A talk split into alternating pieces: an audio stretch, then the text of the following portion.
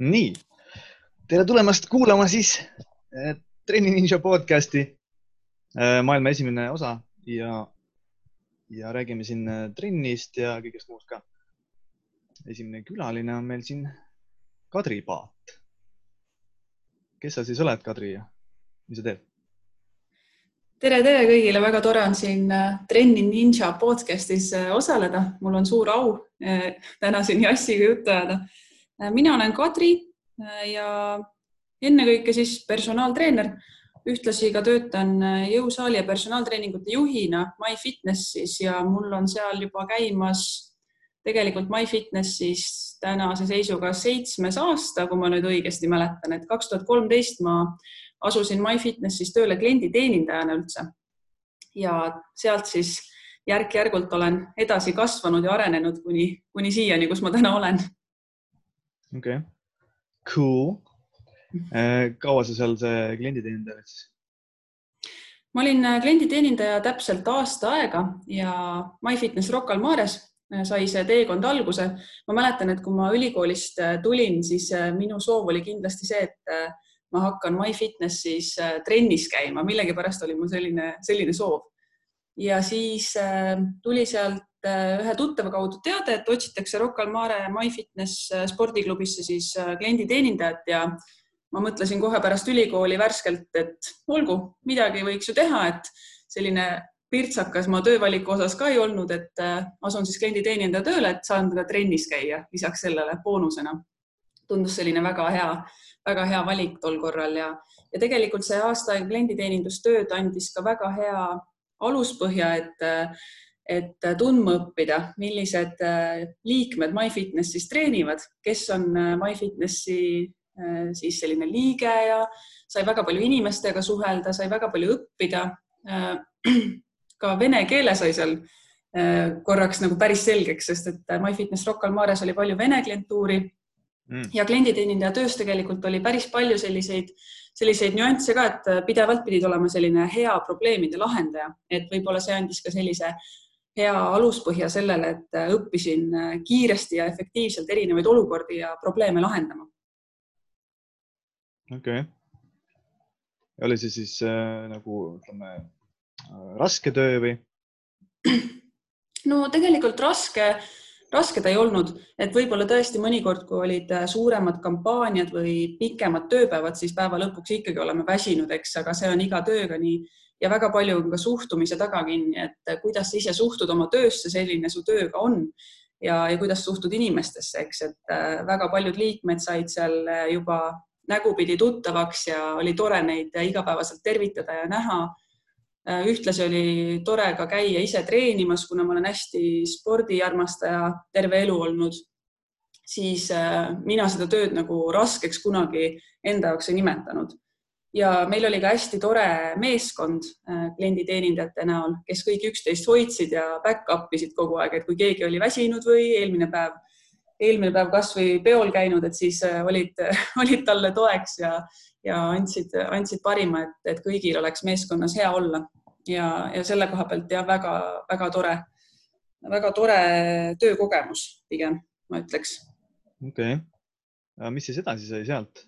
Sealt osast, et kas tuli pahv või mis, mis siis juhtus?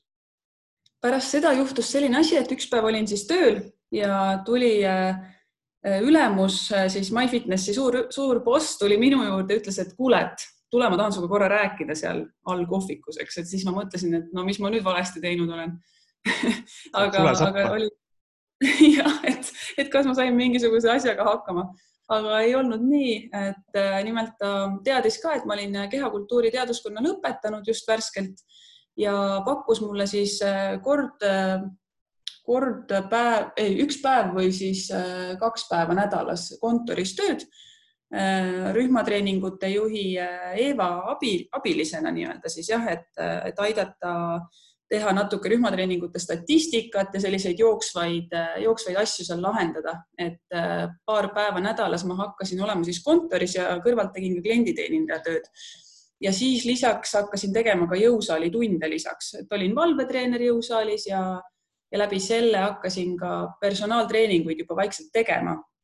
ning sealt ma liikusin edasi ka siis FAF koolitusele tegelikult, et selline kombinatsioon kõike natuke, kõike natuke ja, ja see oli ka selline põnev aeg, kuna sain olla veel klienditeenindaja, sain ise treenida, mul tekkisid juba esimesed kliendid jõusaalis. kui ma nüüd tagasi mõtlen, siis, siis ma olin ikka veel päris, päris selline toores nii-öelda. ja, ja siis olin paar päeva nädalas kontoris mäletan väga hästi seda, kuidas mulle tundus see kontoris tööl käimine selline hästi suur asi, et, et vau, ma olen nüüd ka kontori poole peal paar päeva nädalas, et see oli minu jaoks tol ajal selline, selline väga-väga suur asi ikka jah, et tundsin kohe ennast nagu, et, et päris, päris suur väljakutse ja päris huvitav mm. -hmm. et nii, nii see teekond mul alguse sai ja siis sealt edasi tol ajal, kui ma kui ma alles alustasin, oli äh, personaaltreeningute valdkonna poole pealt äh, MyFitnessis veel selline süsteem, et iga klubi juhataja võttis tööle siis jõusaali ja personaaltreenerid, et äh, okay. see oli siis tol ajal veel klubi juhataja vastutada, et tema konkreetses spordiklubis siis oleksid ka jõusaali ja personaaltreenerid.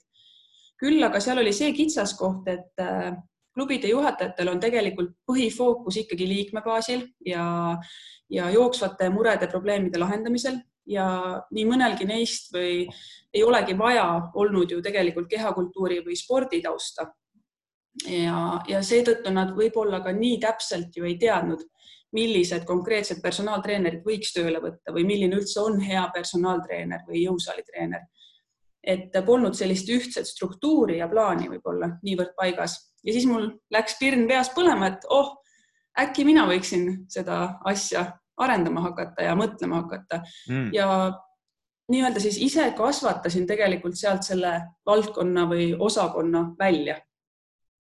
ahah, nii et sa ise, ise lõid endale selle praeguse töökoha justkui? jah, et, et kokkuvõttes kuidagi sealt see kasvas välja, et koostöös siis MyFitnessi ka juhtide poolega läbi arutlemise ja, ja koostöö tekkis selline mõttekoht jah, et struktureeriks ja planeeriks paremini selle valdkonna ära, et oleks, oleks sealgi rohkem sellist kindlust ja, ja, ja sellist äh, konkreetsust jah, et, et mida me siis jõusaali ja personaaltreeneritelt ootame ja tahame. okei okay., aga kui selle, sellega nüüd jätkata, mis, mis sa siis nagu äh, teed selle oma, oma tööpäeva jooksul nii-öelda? Tööpäev on äh, mul äh, väga selline või tööpäevad on väga erinevad tegelikult, et, äh, et see valdkond on selline, mis pakub mitmel tasandil kõige positiivsemas mõttes väljakutset alati, et võib-olla üks suuremaid ja, ja minu jaoks kõige huvitavamaid väljakutseid on uute treenerite värbamine ja olemasolevate ja, ja ka uute koolitamine. et see on selle töö tegelikult päris suur osa et äh, leida ka häid talente. Ja selle talendi all ma võib-olla ei mõtle ainult seda, et, äh, et leida juba olemasolev väga hea personaaltreener, vaid leida äh, kedagi sellist, kes on oma natuurilt ja karakterilt inimene, kes tahab õppida, areneda ja kasvada läbi, läbi pideva siis õppeprotsessi, et see on see, mida, mida ma pidevalt taga ajan ja otsin neid inimesi, kes tahavad ennast just äh, elukestvalt treeningute ja personaaltreeningute valdkonnas just arendada ja õppida. Ähm, siis on päris palju tööd ka näiteks numbritega ja statistikaga, äh, treenerite tööajaga, tunniplaanidega, et kõik selline jooksev töö ka sellised väiksed asjad, mis tegelikult päeva lõpus võtavad ka üsna suure mahu ära äh, ajast. lisaks veel siis äh, kõik erinevad struktuurid ja nende planeerimine, et kuidas saada mingeid süsteeme paremaks, arendused, erinevad äh, liikmetele mõeldud äh, näiteks kampaaniad ja mängud, et päris palju on töös vaja ka sellist loovust, et kui me teeme mingeid äh, uusi arendusi või siis uusi kampaaniaid, millega me välja tuleme, siis meil on ka koostöös turundusega alati koosolekud, kus me arutame ja genereerime uusi mõtteid, ideid, kuidas näiteks liikmetele pakkuda mingit põnevat väljakutset või äh, midagi mängulist välja tuua. et, äh, et nad saaksid äh, MyFitnessi liikmetena tunda ennast ka kaasatuna siis treeningutesse ja erinevatesse protsessidesse. -hmm. et päris palju on sellist loovust vaja ja tihti need loovuse momendid võib-olla tekivadki kõige paremini kontorist väljaspool, käies erinevates klubides, treenides ise, koolitades treenereid ja treeneritega suheldes. väga palju on koosolekuid treeneritega erinevatel teemadel. näiteks täna kasvõi juba üritan luua MyFitnessiga sellist praktikaprogrammi rohkem sisse tuua koostöös FAF personaaltreenerite koolitusega, kes siis MyFitnessis saavad hakata praktiseerima ja ühtlasi ka läbi meie ennast võib-olla natuke rohkem koolitada ja õppida. ja ütleme nii, jah, et tööst puudu ei jää, et kogu aeg on selline, selline, et midagi on alati teha, et sellist asja ei ole, et, et nii, nüüd mul on kõik tehtud, enam ühtegi asja ei ole, et mm -hmm. pidevalt on jah, mingid protsessid ja projektid käimas. okei okay no sa mainisid nüüd seda FAF-i onju, räägi võib-olla mm -hmm. sellest enda, enda FAF-i ajast natuke. See oli väga äge aeg, mulle meeldis see koolitus äh, väga. Ja ma olin värskelt kehakultuuri lõpetanud, natuke aega oli sellest mööda läinud. Ja siis, kuna ma seda personaaltreeningute valdkonda hakkasin MyFitnessis arendama, tahtsin lisaks veel õppida just personaaltreeneri spetsiifilist tööd. Et, et mis seal on need olulised põhipunktid. Ja FAF koolitus osutus mulle tegelikult hästi tugevaks ja heaks tugipunktiks just selle näol, et et ma olin küll kehakultuuris õppinud personaaltreeningute ja võimlemise erialal, aga võib-olla mul ei olnud veel sellist tugevat ja, ja kindlat aluspõhja selle personaaltreeneri töö näol olemas aga FAF andis selle tegelikult ja, ja miks ta selle andis, oli pigem see just, et seal tegelikult ei antud sulle kergelt seda diplomit kätte, on ju, et oh, et läbid koolituse ära, tunnistus on siin, tubli, et nüüd võid tööle asuda, vaid pigem see koolitus andis väga hästi mõista seda, et, et me ei ole kunagi äh, lõpuni valmis või, või lõpuni, et nüüd mul on koolitus läbitud, nüüd ma tean kõike, vaid ta andis sellise hästi hea Äh, mõttekoha antud aspektis, et, et tõesti see treeningute valdkond tähendab pidevat arenemist ja õppimist. Mulle meeldis see, et, et koolitajad olid seal sellised parajad, ma ei tea, kas on õige öelda skeptikud, aga sellised noh, et äh, küsi, küsi, kõik on küsitav või kõik vajab küsimust, küsimust, et miks sa seda teed mm, -hmm. et miks sa kliendile sellist harjutust õpetad või juhendad, miks sa talle selliseid asju räägid või, või kuidas sa kuidas sa siis äh, treeningu kokku paned äh, sellest kontekstist lähtuvalt, mida inimesele vaja on. Väga tore ja hea koolitus, igati rahule jäin just selles, selles mõttes, et pärast selle läbimist oli mul kliendiga jõusaalis tööd tehes selline tunne, et et ma ei karda enam, et, et see hirm oli nagu läinud, et oli selline kindlustunne tekkinud mm -hmm. just läbi selle, et, seal koolitusel pidid väga palju pingutama ja, ja pandi sind ka sellisesse kohati isegi võib-olla natuke ebamugavasse olukorda, kus äh, olidki selline nõutu, et täitsa lõpp, ma ei teagi, mida teha. Et äh, ma mäletan ka minu praktiline äh, eksam oli selline, kus mulle toodi siis näidisklient, üks meesterahvas, kes ütles mulle siis vesteldes esmasel konsultatsioonil, et ta on arst, et ta teab kõike. muidugi mm -hmm. ei täpsustanud ta mulle, mis arst ta on. võib-olla oli üldse loomaarst, on ju mm. -hmm aga ütles, et ta teab, et ta on arst ja ta, ta, ta teab siis kõike enda keha kohta, et tal on olnud õlavigastus, et tal on olnud puusavigastus, põlvevigastus. lisaks oli veel tagareie ära tõmmanud, on ju, et noh, ühesõnaga hästi palju problemaatikat ja mina siis äh, värske alustav treener, muidugi ma läksin ülipaanikasse, mul hakkasid käed värisema, ma mõtlesin, et issand jumal, mis ma nüüd teen ja kukkusingi selle esimese praktilise eksami läbi puhtalt närvi pealt. pärast veel äh, tol ajal oli veel äh, füsioterapeut Mikk Pärn seal, äh, üks koolitajatest ütles mulle, et Kadri, kust sina tead üldse, mis arst ta oli, onju, võib-olla ta oli loomaarst, suure tõenäosusega ei teadnud ta tegelikult oma kehast võib-olla üldse mitte midagi, onju. Mhm. et, äh, et see, et see närv sai võitu, aga teisel praktilisel eksamil sain juba ilusti läbi ja tehtud kõik asjad.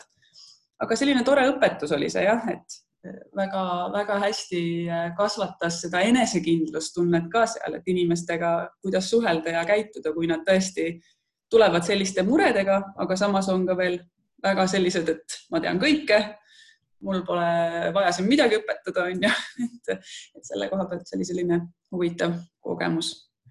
okay., kas ta, mm, ta lihtsalt tuli ja ütleski, et tervist, et ma tean kõike?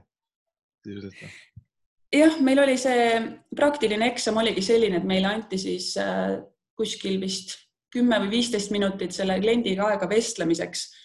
et äh, pidime tegema selle esmase konsultatsiooni ja siis ma küsisin talt erinevaid küsimusi ja, ja selle käigus siis ta vestles mulle niimoodi.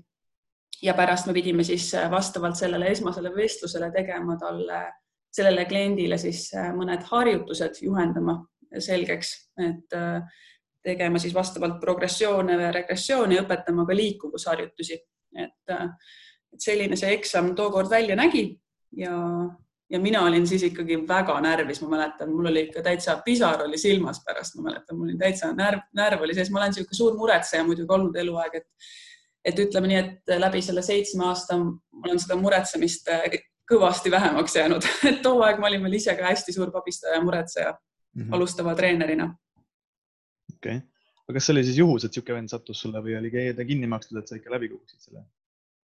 Äh, see oli tegelikult puhas juhus, see oli täiesti puhas juhus, sellepärast ma mäletan, et juhtus veel selline asi, et see klient, kes pidi tulema praktilisele eksamile äh,, jäi millegipärast tulemata ja siis äh, küsiti jõusaalis ühelt treenijalt, et kas ta on nõus tulema minu mm. kliendiks ja ta oli okay. muidugi nõus, aga jah, see oli täiesti puhas juhus.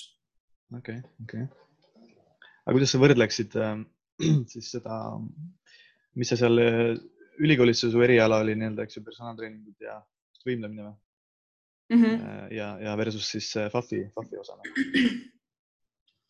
no FAF on tegelikult ikkagi hästi personaaltreeneri keskne, mis, mis teeb tast selle hea koolituse, kui inimene soovib saada puhtalt siis personaaltreeneriks kui selliseks ülikoolis on ta natuke kaootilisem. Ja kui ma täna mõtlen tagasi siit selle ülikooli ajale, siis äh, kohati ülikooli aeg oli ka selline, kus äh, ise olin ka natuke rumal veel. Või noh, kaasa arvatud mu osad kursakaaslased ka või sa ei võtnud võib-olla niivõrd struktuurselt ja mõtestatult neid õpinguid ka, et äh, tihtipeale võib-olla seal oli hoopis selline suhtumine, et et oh, et pean sinna loengusse minema ja ära tegema lihtsalt, et oma ainepunktid kätte saada, aga et mõtestada oma peas võib-olla need asjad natuke ringi, et mul on tulevikus reaalselt äh, neid asju ka vaja kasutada, et ma käin ju selleks seal loengus, mitte õppejõu pärast või mitte nende punktide pärast või selle hinde pärast, vaid ma käin seal selleks, et, äh, et reaalselt midagi osata ja teada. võib-olla seal oli kohati natuke sellist lapsemeelsust veel täitsa sees, et käid seal ülikoolis, et oh, fun, äge, mingi teeme siin trenni ja, ja vaatame, kuidas hakkama saame, et läbi saada, onju, et, et võib-olla natuke seal oli veel sellist, sellist rumalust selle koha pealt endal veel sees. Um, võimlemise personaaltreeneri erialale spetsialiseerusin siis alles, äh, oli vist kolmas aasta, kui ma nüüd õigesti mäletan, enne seda oli ju tegelikult kehakultuuris kõik spordialad esindatud, seal esimene aasta teed hästi palju trenni ise, et on need äh, tugevamad nagu teooriaained, anatoomia, füsioloogia, biomehaanika ja kõik sellised ained, aga siis tulevad ka kõik need pallimängud, kergejõustik, jalgpallid, noh, mis iganes, eks. et äh, et sai ka hästi palju erinevaid spordialasid praktiseerida ja proovida. ja võimlemine ja personaaltreeningi eriala oli siis äh, meil selline, kus me käisime, vaatlesime ähm, iluvõimlejaid, on ju, neid, äh, mis puudutas siis võimlemise poolt, meil oli endal ka võimlemise praktikumid ja tunnid. Ja personaaltreeneri poole pealt me tegimegi juba koostööd MyFitnessiga, mis on tänase päevani tegelikult praktikaprogrammis sees et tegime juba jõusaali treeneri tunde, koostasime mm. treeningplaane ja kavasid, saime ka endale siis näidiskliendi, kellega tööd teha koos ja läbi selle siis äh, toimusid erinevad äh, teoreetilised tunnid ja praktilised tunnid ka. aga jah, FAF on äh, ikka kõvasti selline puhtalt personaaltreeningu kesksem koolitus, et, et seal seal ikkagi tekib selline tugev, tugev, tugev aluspõhi võib-olla just selle, selle personaaltreeneri karjääri jaoks mm. -hmm. Um, kas sa ütleksid, et, et see, et see kehakultuuri variant siis oli nagu väärt seda või? et seal nii-öelda käia, kui me võrdleme näiteks seda kestvust ja mis sa nagu said sealt siis ütleme ülikooli variant ja siis mingisugune kursus nagu FAF näiteks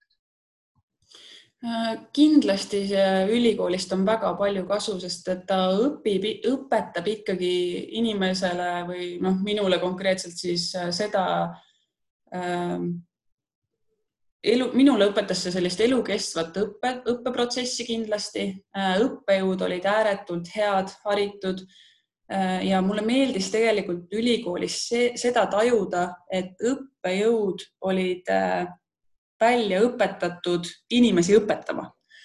seal oli seda väga hästi tunda, et hoolimata sellest, kui mõnikord näiteks äh, võtame kasvõi näiteks füsioloogia praktilise eksami, kus oli päris palju teemasid, mida vaja kõik selgeks õppida ja, ja siis, äh, kui sa seal jäid natuke hätta eksamil või äh, olid seal närvis, siis õppejõud oskas sind suunata, toetada, motiveerida, et äh, kuidas, kuidas jõuda selleni, mida sa võib-olla teadsid, aga olid näiteks närvis lihtsalt, et, et midagi läks meelest ära.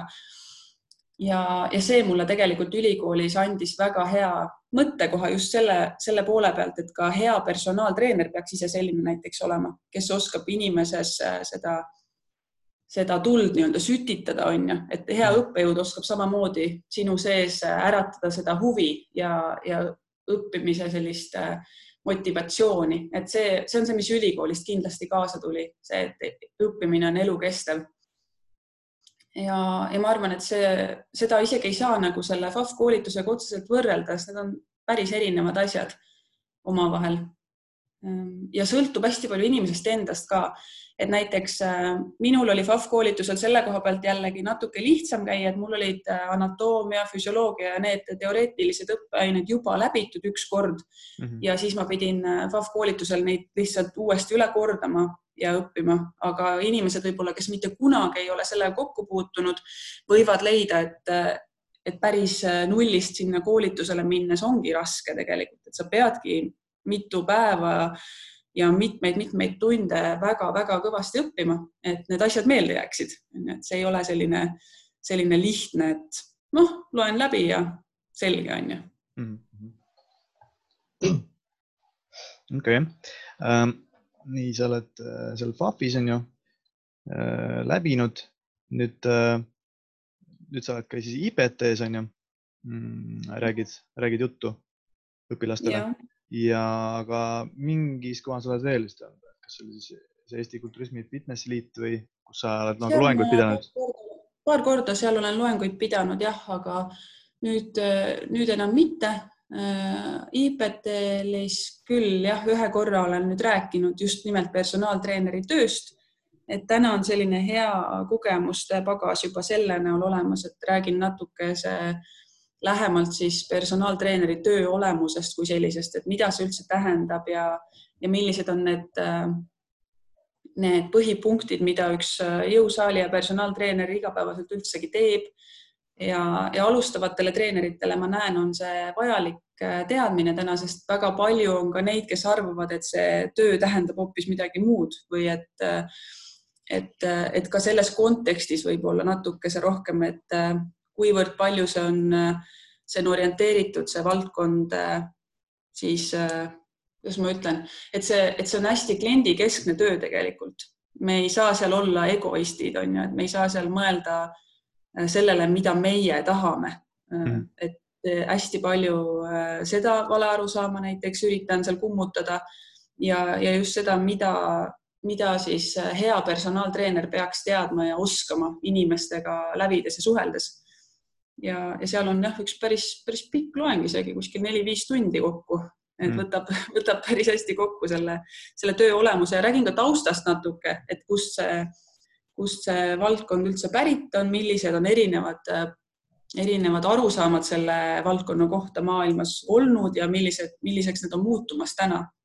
erinevatelt konverentsidelt, kus me oleme käinud ka MyFitnessiga palju, et see mulle on hästi meeldinud ka aastate jooksul MyFitnessis, me oleme hästi palju käinud erinevatel fitness teemalistel konverentsidel ja üritustel kus räägitakse just nendest trendidest, et tegelikult see personaaltreeningu ja fitnessi valdkond on ju päris noor alles, et, seal on nii palju muutunud ja kui, võib-olla inimestele tänavalt kangastubki, et jõusaal on selline koht, kus on rasked kangid ja hantlid ja suured musklimehed teevad trenni, eks, et siis kuidas äh, tegelikult tänapäeval on ka jõusaalid näiteks muutunud ja, ja milline see, see treening ja, ja personaaltreeningu kultuur on tänaseks muutumas. kui palju on seal tänapäeval juba seda sees, et me tahame, et inimene tunneks ennast äh, meie juurde tulles hästi, et see oleks tema päeva parim tund et, äh, et muuta natuke seda vana arusaama, et, et trenn on ainult nendele, kes tahavad suuri muskleid saada, onju. -hmm. See on okay. see, see põhi, võib-olla koolituse suund, mis ma seal kajastan, et räägin nendest trendidest ja, ja, ja töö olemusest mm. -hmm. Äh, Eestis on nüüd no, nagu mitmeid nüüd juba neid kes pakuvad neid koolitusi, personaaltreenerite koolitusi, eks. on FAF on ju, IPT ja kas sa oskad öelda, mis seal nagu veel on, kas on kaks tükki veel või on, või on üks või? Äh, kulturismi Fitness Liit teeb, eks, oma koolitust.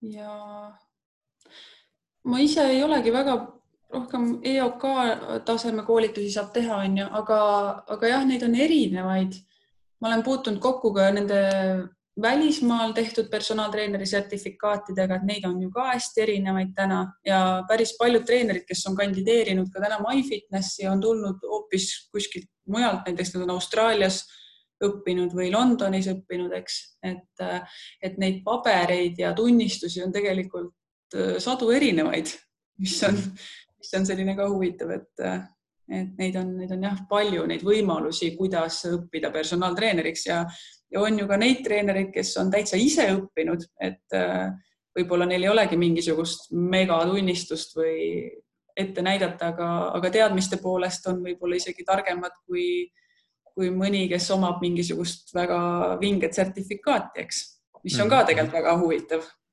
jah, eks sealt tulebki see elukestev õpe, eks ju ka. ja äh, mängu mm,. aga kas EOK ja see Kulturismiliit, äh, Kulturismi Fitnessi Liidu, see teema on nagu eraldi või? kaks eraldi koolitust on seal või? sa seda tead? ma ei teagi täpselt, pean üle vaatama, kuidas seal on need mm. -hmm. Äh, kuidas sa sellesse suhtud sellesse, mulle tundus vähemalt, et see oli niisugune justkui kampaania, noh, see, e-, kas ta oli siis, ütleme, et see oli EOK treeneri kutse ilmselt Eh, siis eh, ilmselt see oli fitnessi ja kulturismi ja fitnessi ja jõusaali treener või mis iganes ta nimi on, eks ju täpselt mm. -hmm. et noh, umbes, et kui seda, kui sul seda ei ole, eks ju, et siis sa pole nagu mitte keegi. mulle tundus, et see kampaania oli umbes selline, et eh, vaata, vaata meie veebilehel andmebaasist, kas su treeneri nimi on seal kirjas, kui ei ole, on ju, siis oled ohus. midagi -hmm. siukest, mis sa sellest arvad, et MyFitnessit justkui ka nii-öelda rünnati võib-olla selles suhtes? jah, siin me jõuame tegelikult täpselt sellesse samasse punkti, et äh, nagu ma mainisin, et äh, minul on käinud tööintervjuul inimesi, kellel on näiteks äh, vastav paber olemas ja versus inimesi, kellel ei ole seda paberit, aga kui testida nende teadmiseid, siis on need näiteks samaväärsed või hoopis vastupidi, et see inimene, kellel pole seda konkreetset paberit, teab rohkem. Või, või võib ka vastupidi olla, et see, kellel on see paber, teab rohkem kui see teine. Ja kindlasti ei tee kutsetunnistus või paber ainuüksi sellest treenerist väga head personaaltreenerit. Et paraku selle järgi, kui me saaksime selle järgi hinnata äh, treeneri äh, spetsialiteeti ja, ja tema töö kvaliteeti, siis oleks väga tore, et mul mm. oleks kohe elu lihtsam, et okei okay,, näita paber ette ja tule tööle, onju. et äh, kahjuks see nii ei ole, lihtsalt ei ole nii, et väga palju on, on MyFitnessis täna neid treenereid, kes on läbinud mingisuguse muu koolituse ja on väga-väga heal tasemel targad personaaltreenerid, kes eh, on ka ühtlasi teiste koolitajad näiteks mingil mhm. kvaliteetsel koolitusel, millest me eelpool ka rääkisime, eks. et kindlasti ei eh, ei anna paraku jah, ainuüksi mingisuguse paberi olemasolu meile täna sellist kinnitust, et voh, nüüd see on äh, kindlasti väga vinge ja hea personaaltreener, eks. ja, ja seetõttu ma olen ka ise tegelikult värbamisprotsessis hakanud äh, treeneritega tegema intervjuusid rohkem ja andma ka kodutöid oluliselt rohkem, mis annavad selle hea tagasiside ja lisaks sellele ka veel sisseelamisprogramm, mille käigus ma tegelikult näen, äh, kui äh, sobilik see inimene antud positsioonil on mis tegelikult annab ka alustavale personaaltreenerile väga hea ülevaate selle valdkonna kohta, sest tal tekib läbi selle ka arusaam enda osas, et kas mulle personaaltreeneriks olemine üldse sobib. ja, ja see on, ma arvan, selline võib-olla hea mõõdukoht või enda jaoks mõtlemiskoht ka, et, et mida see valdkond kui selline endas üldse sisaldab, mida see minult eeldab, millised ootused on ettevõttel minu osas ja millised ootused on minu klientidel minu osas. ja, ja see on natuke suurem äh, siis kui lihtsalt mingisugune tunnistus või paber on ju mm -hmm.. okei okay.. et selline, selline mõte siis mm. -hmm. no ma olen ise nüüd äh, ka, ütleme kunagi tegin siis äh, ilmselt selle EOK variandi, eks äh, mhm. läbi ja siis ma olen äh,, olen nii siis FAF-is kui ka IPT-s olnud lektor ka, eks. ma olen nagu neid näinud nii-öelda nii seest kui väljast on ju asju. et eh, tol ajal, kui mina EOK-s muidugi käisin, ta oli siis ikkagi päris mannetu. Eh, see, mis sealt nagu erialasest osast vähemalt eh, tuli, eks. et tänapäeval, noh, kui neid õppekavasid juba vaadata ka, siis on need nagu muutunud, eks ju, arenenud, seal on, on sisu on parem, nii edasi. et, et ja sa oled ka neid kõiki nii-öelda näinud, et mis sa, mis sa näiteks ütleksid sellisele mm, Äh, siis väitele võib-olla, et, et kui äh, noh, et see nii-öelda see EOK variant on ainuke, mis loeb, noh. ma olen kuulnud mõni äh, nii-öelda fitness influencer, kui, kui nii võib nimetada, siis oma näiteks Youtube'i kanalites seal niimoodi, niimoodi ütelnud, eks. no siis ma küsiksin, et kas inim-, noh, et minu küsimus selle peale oleks see, et me peaksime olema piisavalt äh, skeptilised, mina küsiksin, et miks, miks nad nii arvavad, sellepärast et äh, täna on nii palju teisi äh, koolitusi, kui me võtame kasvõi rahvusvaheliselt tunnustatud äh, koolitused või tunnistused, millel on maailmatasemel tunnustused taga ja näiteks inimene, kes selle läbib versus siis see antud nimetatud koolitus on ju, siis on jälle see koht, et, et kindlasti see nii ei ole et, et see, nagu ma mainisin, elu oleks lihtne, kui meil oleks ainult üks paber, millest lähtuda, onju. Mhm. aga, aga nii see kindlasti ei ole. et, et on, on sadu muid võimalusi mm. -hmm. ma tean maailma tasemel näiteks väga tuntud personaaltreenereid, kes, kes on läbinud hoopis teisi koolitusi, onju, et see, see ei tee neid kuidagi kehvemaks. Neil ei ole EOK oma Neil ei ole jah, aga ikka nad on väga-väga tunnustatud, treenivad ka tippsportlaseid näiteks mm. -hmm. jah, nii, ma vaatan korraks, siin pean tegema oma allikad lahti siin. et äh, nii, sihuke leht äh,, kus on niisugune nimekiri EOK personaaltreenerite kutsekomisjon, seal on kirjas Kadri Paatka, et mis, mis asi see niisugune on? Äh, see on äh, üks üsna uus asi, mis on alles töös no.. veel ei avalda seda päris täpselt, aga, aga on arendamisel üks väike lisa selline projekt. nii et sellest, sellest pikemalt täna ei, ei räägikski. okei, okei. selge. aga võib-olla lähme siis korraks sinna, no sisuliselt mõned sammud tagasi Audentese aegadesse. näiteks, kuidas äh,, kuidas see aeg oli ja kuidas sisseastumine sinu jaoks näiteks oli? see oli väga huvitav äh, aeg. Äh, jälle, kui minna ajas tagasi, siis nagu ma rääkisin, ma olin äh, nooremana selline suur muretseja ja põdeja ja ma mäletan, kuidas tuli selline, ma olin Orissaare gümnaasiumis ja siis tuli selline pakkumine, et, et noh, ma olin eluaeg või noh, mitte eluaeg, aga noh, sinnamaale olin kergejõustikutrennis käinud, olin üsna tubli olnud ja siis tuli info mu vanema õe kaudu, et, et treener Ants Kiisa, tervitused siinkohal Antsule, otsib enda Äh, heitjate gruppi, tublisid spordi, spordisõpru mm. -hmm. ja, ja tema kaudu ma tegelikult sinna sain, et äh, tugev ma olin äh,. Annet oli ka mingil määral, onju et siis äh, tekkis selline võimalus. Ja selle sammu, ma ei tea, kuidas ma tol hetkel selle sammu ära üldse tegin, et ma sinna kooli otsustasin minna gümnaasiumisse õppima, sest ma olin tõesti selline äärmiselt suur muretseja, üsna arg, argpüks, aga mingisugune, mingisugune julgus mu sees kuskil peidus oli, et ma sinna kooli läksin ja täna tagasi mõeldes oli see kindlasti minu elu üks ägedamaid ja paremaid otsuseid, sest ma sain nii palju ägedaid uusi sõpru läbi Audentese. see oli jälle see aeg, kus äh, võib-olla ma ei paneks seda rõhku sinna sportlikele saavutustele niivõrd või et oh, ma sain jubedalt võistlemas käia või, või mingis ägedas koolis käia, vaid, vaid pigem just need inimesed jälle, kellega ma sealt äh, tuttavaks sain ja kellega ma tänaseni suhtlen väga-väga tore seltskond ja, ja spordi mõistes ka avardas hästi-hästi palju silmaringi ja andis ka sellist iseseisvust ja enesekindlust väga-väga palju juurde. minu klassis äh, käisid siis äh, heitjad, ma olin ise ka heitja, kuulitõukaja, vasareheitja olin, siis äh, käisid veel tennisistid. kergejõustikust olid meil hüppealad esindatud ja maadlejad olid ka minu klassis ja korvpallurid nii et selline äge miks kõikidest nendest spordialadest. Ja, ja jah, tõesti väga-väga äge kolm aastat äh, ühikaelu, selline lõbus, tore.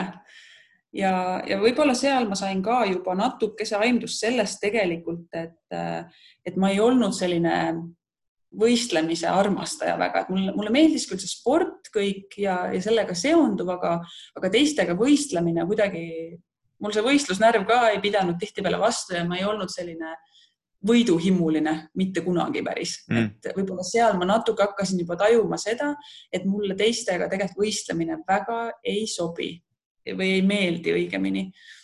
ja Audentesest edasi liikudes äh, kehakultuuri Tartusse, mis oli üsna loogiline samm, ma sain tegelikult keskkonnatehnoloogiasse ka sisse Tallinna Ülikooli, aga kuidagi kuidagi jah, see spordi mõjutus vist oli nii tugev, et ma otsustasin kehakultuuri kasuks mm. -hmm. ja kehakultuuri õppides, õppides äh, saingi ma tegelikult sellise hea, hea avastuse teha enda jaoks, et vau äh, wow,, mulle meeldib tegelikult näha teiste inimeste saavutusi, et kui nemad midagi saavutavad ja kui nende silmad lähevad särama läbi sportliku saavutuse, siis see kõnetas mind väga ja see pani mind äh, mõtlema, et äh, mis on siis see valdkond, kus ma ennast näeksin tulevikus ja läbi selle kasvaski see huvi just personaaltreeningute vastu.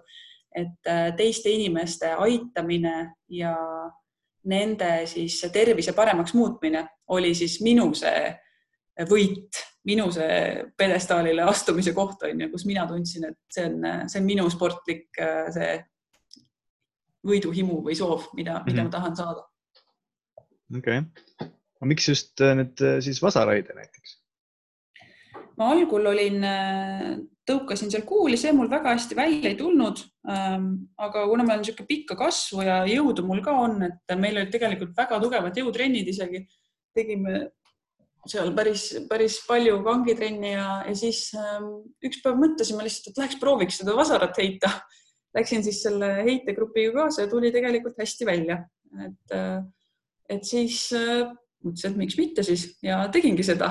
päris, päris lahe tegelikult selles mõttes, et on niisugune mitte kõige traditsioonilisem valik võib-olla, mida, mida igaüks ei teeks, on ju, aga, aga jah, kuidagi see hakkas meeldima.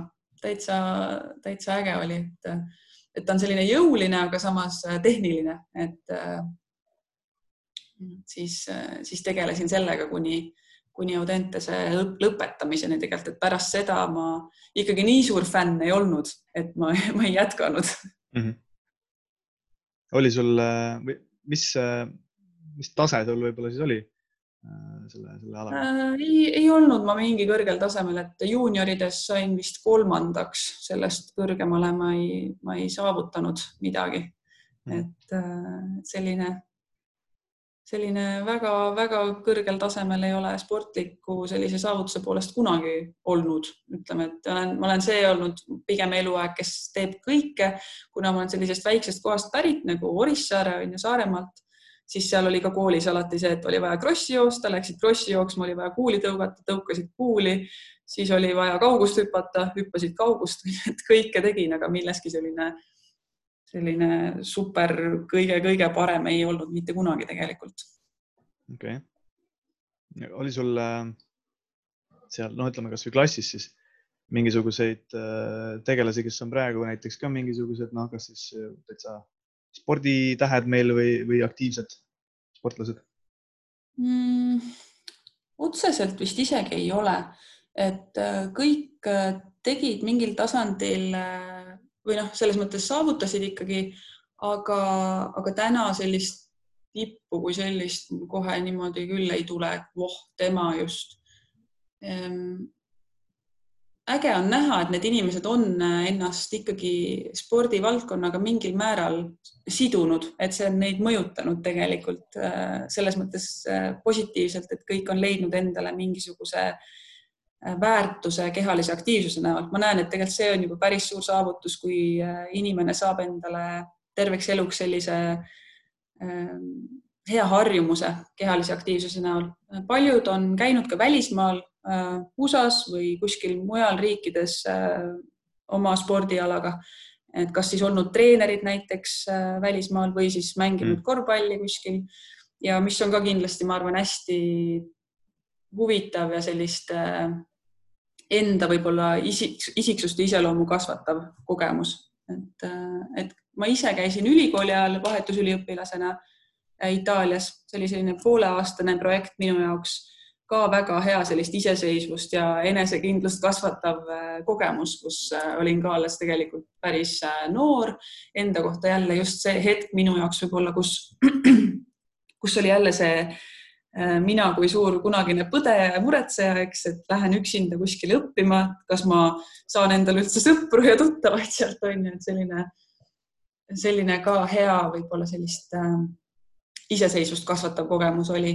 Ja, ja põnev ka, et äh, ma ei ütleks, et minu enda välismaa kogemus mulle mingisuguseid meeletuid uusi teadmiseid kui selliseid andis, aga just nimelt sellist äh, iseseisvuse ja enesekindluse kasvu kohe kindlasti, et kõikidele, kes vähegi õpivad äh, ülikoolis äh, alles on oma sellist eriala või teekonda valimas, ma hästi soovitan ka seda välismaa kogemust, et käia pool aastat või isegi aasta välismaal. minu põhimure võib-olla antud kohas oli tol ajal see, et, et äkki ma jään teistest äh, kursakaaslastest Eestis maha, kes siin on, on ju, et pärast pean mõned ained järgi tegema või, või jään millestki nii-öelda ilma.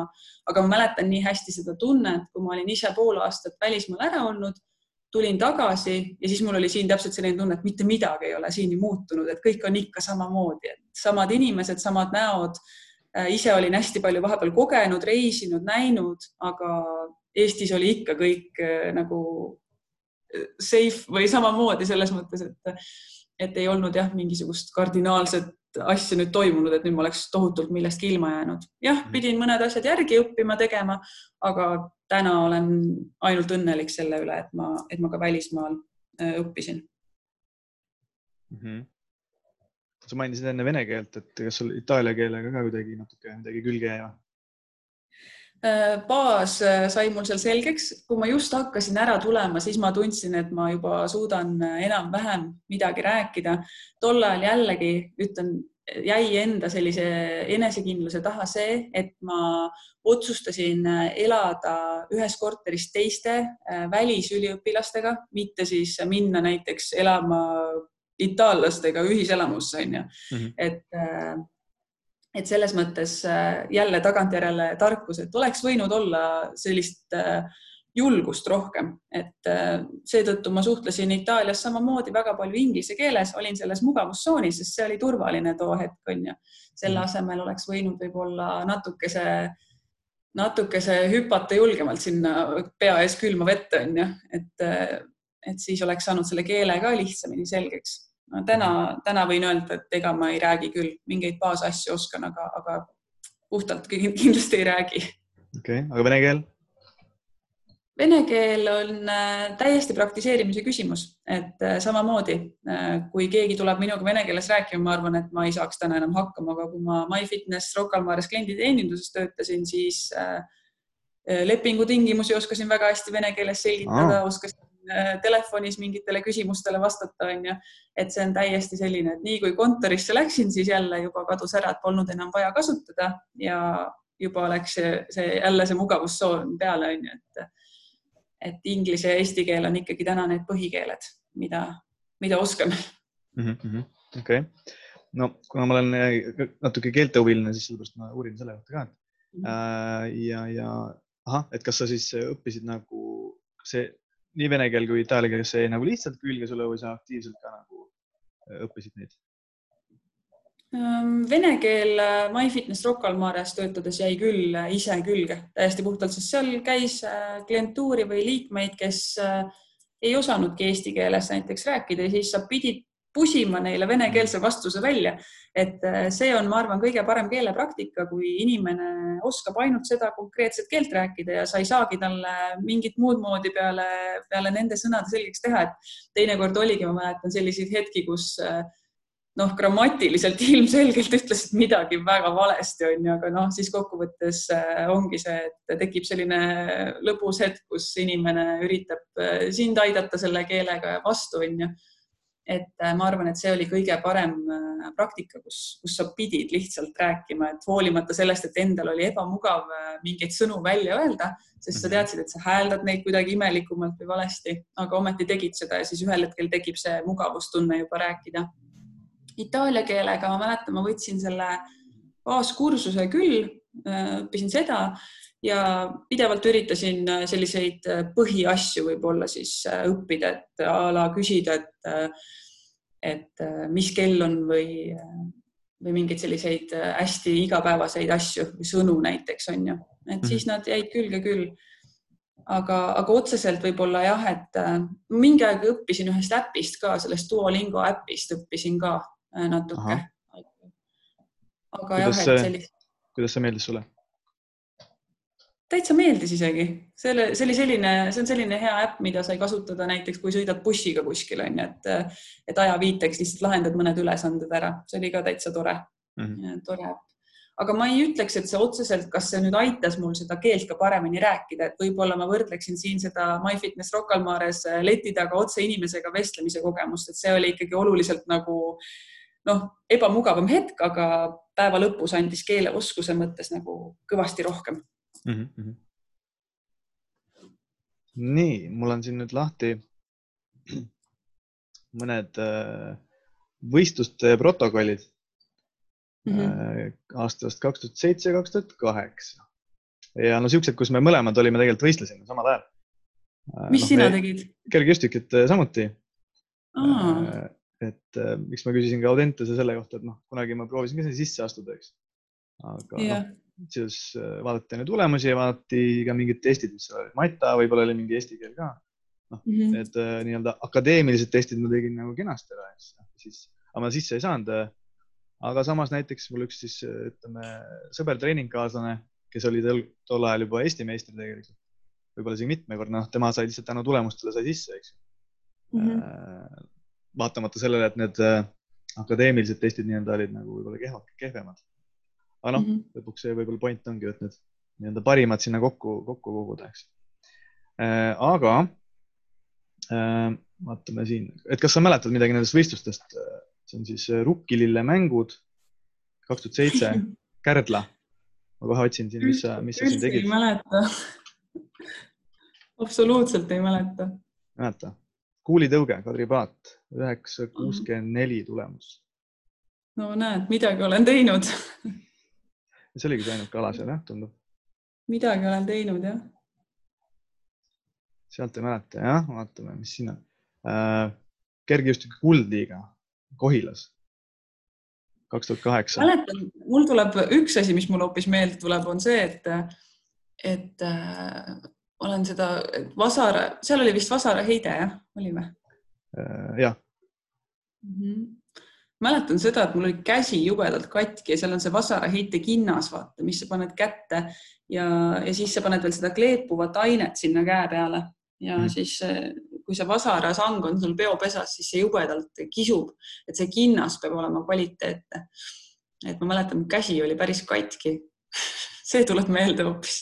okei okay,, okei okay ja, ega mul endal ka sealt väga palju mälestusi ei ole erinevaid. et äh, siinsama vaatan, et sa said kolmanda koha, nii et sa ilmselt said mingisuguse auhinna ka selle eest. võib-olla sokipaari või midagi no,. karika või sokid ilmselt või nii, üks on veel. äh,. ahaa, ja siin sa võidutsesid. see Aha. oli, kohe vaatan, kaks tuhat kaheksa Eesti klubide karikavõistlused Kadriorus. no näed siis, midagi on ikka tehtud.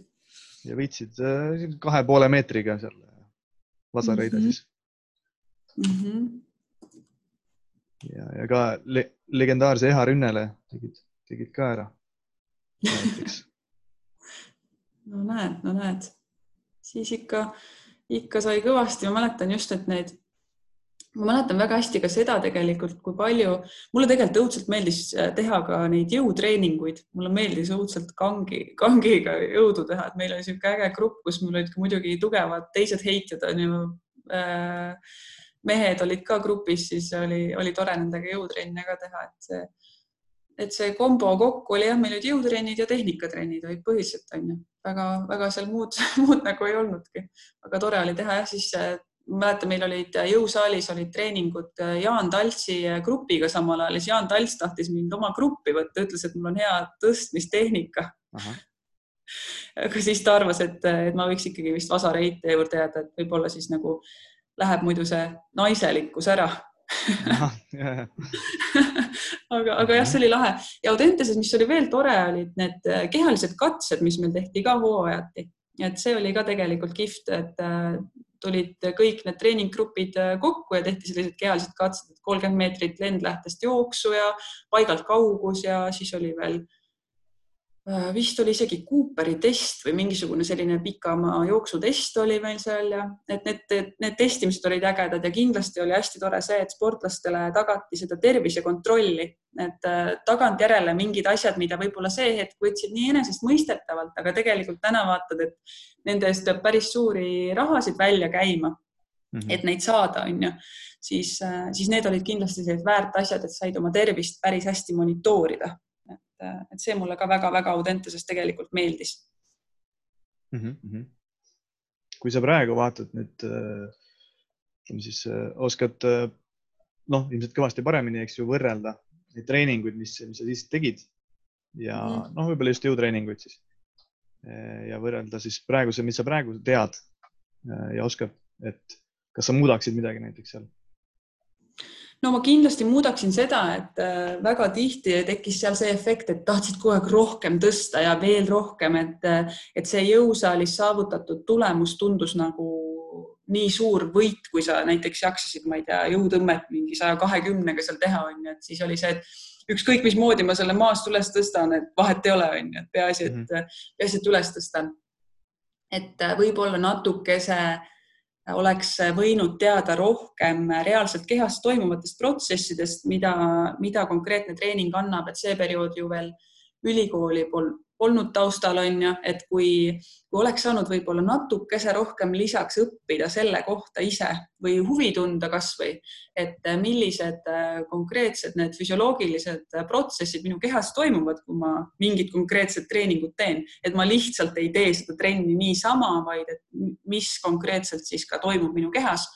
Et siis oleks võinud ka võib-olla oluliselt targemini seda treeningprotsessi ise ka monitoorida ja teha mitte see, et ma lihtsalt lähen nüüd trenni, lihtsalt teen seda, et see on ka tänapäeval, ma näen paljude inimeste võib-olla selline mure või kitsaskoht, et äh, ei teata täpselt, äh, mida konkreetselt see trenni tegemine mulle siis annab või et kui ma nüüd lähen, teen tund aega sellist konkreetset treeningut, siis mis on selle protsessi tulem? et see on võib-olla see tagasivaate koht, et, et kus ma oleks tahtnud äh, olla too hetk targem ja, ja seetõttu oleks nii mõnigi võib-olla valu või vigastus ka ära jäänud, eks. või näiteks mm. mõnikord oligi, et äh, seal Audentese lõpuklassides ikkagi ju sai ju ka pidudel käidud, onju, et siis järgmine päev lähed suurest kohusetundest trenni, olemata, olenemata sellest, et oled täitsa magamata näiteks onju mm. -hmm. et äh, selle asemel, et ausalt üles tunnistada, treenerile ei julge näiteks öelda, onju, et tead, ma olen täitsa magamata, ma olen üliväsinud mm, ma ei tea, mis iganes on ju, ikka lähed trenni, eks, et äh, tegelikult sellest pole ju mitte mingit kasu. et, et sellised, sellised asjad, mis, mida elu tegelikult pärast siis õpetab, jah mm. -hmm. kas teil olid ka mingid karistused või midagi, et äh, noh, olen kuulnud, et keegi vist, vist kedagi nähti mingi pildi peal, noh, klubis oli tehtud pilte, ta oli seal peal, eks ju, kergejõustikutest visati välja täitsa koolist. ahah, seda konkreetselt ma ei teadnudki selliseid asju võib-olla nii palju ei olnud, aga, aga jah, ma mäletan seda suurt kohusetunnet, et noh, et mul üks klassivend oli selline küll, et jäägu, jäägu ta nimi anonüümseks, aga tal, tal oli, läks nii kehvasti jah, et ta Äh, käis eelmine päev peol ja siis ta pidi järgmine päev trennis lõike jooksma ja siis ta sinna, sinna raja kõrvale ikka paar korda, paar korda oksendas ka, et mm. -hmm. Suurest kohusetundest läks trenni, no mis tegelikult ei ole üldse, üldse kasulik, eks, et, sai seal igasuguseid selliseid asju tehtud ka mm. -hmm. Uh, ma olen ka seal äh, kergejõustikuhallis, eks ju, nii enda tegemiste ajal kui ka, kui ka siis treenerina samal ajal viibinud, et kui teised teevad et küll ma olen näinud, et ütleme heitjate puhul olen küll näinud, et nad teevad ka jõutõmbeid onju. aga mm -hmm. noh, ma pole nüüd mõned aastad ei ole halli sattunud tegelikult, aga mujal nagu ei, väga ei, ei tähelda, pluss ega tõmbeharjutusi väga ei, ei, ei näe nagu, kuidas sinu, sinu ajal oli seal mm.?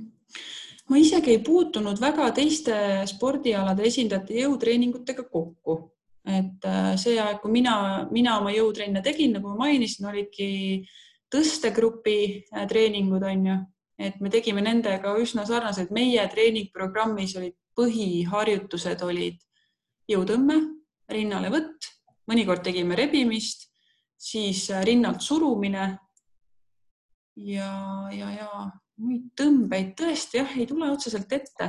me tegime ka päris palju äh, topispallidega tööd, need erinevad seina vastu visked ja sellised plahvatuslikud visked olid ka kavas mm -hmm. üsna tugevalt sees. no muidugi kangiga veel kükid, väljaasted on ju mm. -hmm et, et sellised baasasjad olid meil kavas, et aa, enne ma tahtsingi seda ka võib-olla öelda, et, et mis tagantjärgi on õpetanud päris palju, on see, et need baasharjutused tegelikult töötavad ikkagi imehästi, et, et just see tänapäeva äh, fitness-maailma kontekstis ka tahetakse õudselt mingisuguseid eriskummalisi harjutusi tihtipeale tuua sinna jõutreeningu plaanidesse ka sisse, onju mm. -hmm. et äh, vaadates enda treeningplaani too aeg, siis kõige klassikalisemad baasharjutused, et, äh, et ei olnud seal mingisugust imetrikki või nippi, onju.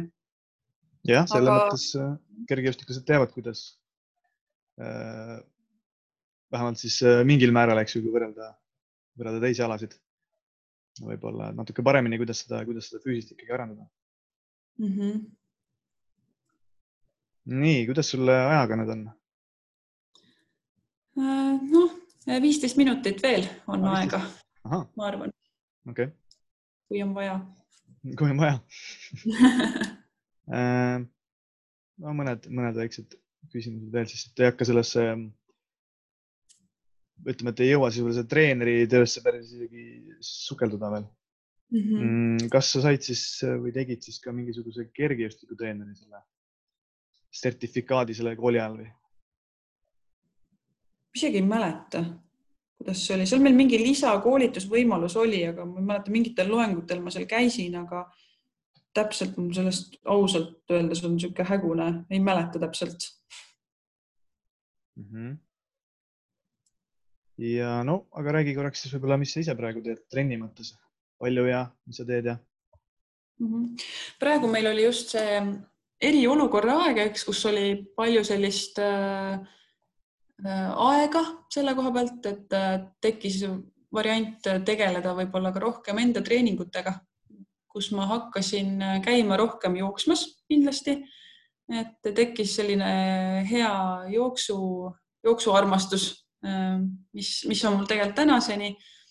kui ma kunagi arvasin, et viis kilomeetrit on minu maksimum, mis mina üldse joosta jaksan, siis sellel, sellel perioodil nüüd ma sain aru, et, et saab ka pikemalt ja rahulikumalt joosta mm. -hmm. et, et ka hea võimalus, mulle väga meeldib jooksmise ajal näiteks kuulata mingeid podcast'e või, või loenguid või audioraamatuid, mis on ka selline hea kaks ühes, mida teha aga minu enda treeningud on kõige klassikalisemad kogu keha jõutreeningud, et äh, ei ole midagi eriskummalist. teen, teen kuskil kolm kuni viis trenni nädalas. vastavalt enesetundele käib päris palju. mingisugust väga konkreetset perioodiseeringut või treeningplaani mul ei ole. põhieesmärk on äh, tunda ennast oma kehas hästi, äh, olla puhanud ja stressivaba, et, et see on võib-olla minu kõige suurem eesmärk. ja mulle meeldib käia aeg-ajalt teiste personaaltreenerite juures õppimas, ka sinu juures, Jass näiteks ah. olen käinud, on ju, trennis. Et, et see on ka hästi-hästi hea selline praktika mul endal välja kujunenud, et ma teatud perioodide tagant võtan siis mõnelt personaaltreenerilt ise sessioone ja käin, treenin ja samas õpin ja uurin, kuidas teised toimetavad, teevad. et, et see on selline hea koht, kus teha trenni, õppida, areneda ja saada teada teiste, teiste treenerite praktikaid ka mm. -hmm. Nii, tundub väga head mõtted sul need. et mm -hmm. nii-öelda, nii-öelda rahulikult võtta seal äh, trenniga. tuleks hea olla ja, nii edasi ikka, ikka jah. mis teema sul nende rebastega on siis? rebased on mulle kogu aeg meeldinud. Ehm, no rebane on ju kaval, öeldakse onju mm., et ta on selline kaval loom, tark. Ja, ja minu meelest on nad ilusad ka, et, et nad on siuksed ilusad ja armsad loomad ja, ja nad on mulle eluaeg millegipärast väga-väga meeldinud, et kuidagi selline natuke metsik, samas armas. et, et kui igalühel võib olla oma, oma lemmikloom, siis minul on see rebane mm. -hmm. ja vot see rebase jutt pani kohe sul silma särama ja tegi endalegi näo selliseks kavalaks onju. Ja mul on, mul on jah, mul on rebastega sokid, mul on rebasega tass olemas isegi ja rebase magamismask või kuidas seda nimetatakse mm. -hmm mõned rebase asjad on. jah, neid ma olen kõiki näinud ka sotsiaalmeedias jah, piltidel mm. -hmm. nii, nii, ahaa, mis sa, mis sa soovitaksid äh, näiteks niisugusele treeninguga alustajale? Treeninguga alustajale ma soovitaksin kõigepealt äh, vaadata üle oma igapäevane elustiil et äh, väga paljud alustajad, treenijad lähevad äh, trenni, jõusaali, kuhu iganes trenni niimoodi, et nad mõtlevad, et ma hakkan nüüd trennis käima. aga ennekõike ma soovitan vaadata üle oma igapäevane elustiil ja kehaline aktiivsus kui selline. Et äh, kui ähm, suures struktuuris ja plaanis on asjad nihkes ja paigast ära, siis ega see trenn midagi seal väga palju meie ellu lisaks ei paku see on minu arvamus, et näiteks kui mul on kehv uni, äh, tarbin näiteks veel lisaks, ma ei tea, alkoholi või suitsetan, äh, istun suurema osa oma päevast, aga siis hakkan trennis käima, siis väga-väga hea mõte, võib-olla see isegi ei ole antud kontekstis. Et, et mõelda jah, natuke oma sellist suuremat elustruktuuri kõigepealt, et kuidas see on. Ja siis alles vaadata, kuidas kehaline aktiivsus ja treening sinna konteksti kõige paremini sobitub. Et äh, kindlasti on äh, inimestel hästi palju äh, võimalus ja võimalik muuta oma igapäevaelu juba tervislikumaks, mitmekülgsemaks, paremaks läbi siis erinevate eelpool nimetatud aspektide parandamise, näiteks et uni oleks parem, et stressitase oleks madalam, et üldine kehaline aktiivsus oleks suurem, et ma ei istuks päev otsa. Ähm, ja, ja selliseid nüansse võib-olla ka arvesse võtta et ei tekiks ainult selline kitsas vaatenurk selle näol, et nüüd hakkan trennis käima, nüüd on kõik hästi, eks. et kindlasti kehaline aktiivsuse treening on meile väga kasulik ja, ja ma väga austan ja hindan inimesi, kes selle, selle treeningu ja liikumise enda päevakavasse panevad ja võtavad, et see on, see on väga kasulik, aga jah, et see suurem pilt, suurem pilt paika mm. -hmm. väga hea, ideaalne mm,. kui nüüd äh, tahab inimene tulla sulle trenni näiteks või midagi, et kust, kust nad sinuga, kuidas nad sinuga ühendust saavad võtta?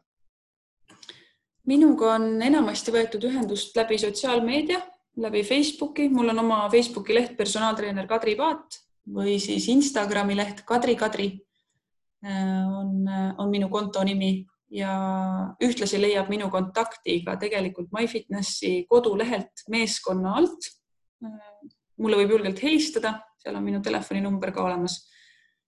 ja, ja täpselt nii saabki minuga, minuga ühendust võtta ja minuga trenni teha. väga hea. kuule, aga siis äh, lasen sul minna järgmise inimese elu muutma äh,. ja, ja, ja kohtume siis äh, võib-olla loodetavasti äh, järgmises osas, osas sinuga uuesti. mul kaks. aitäh, Jass. jah, palun ja tere sulle. ja tšau, nägemist, inimesed. nägemist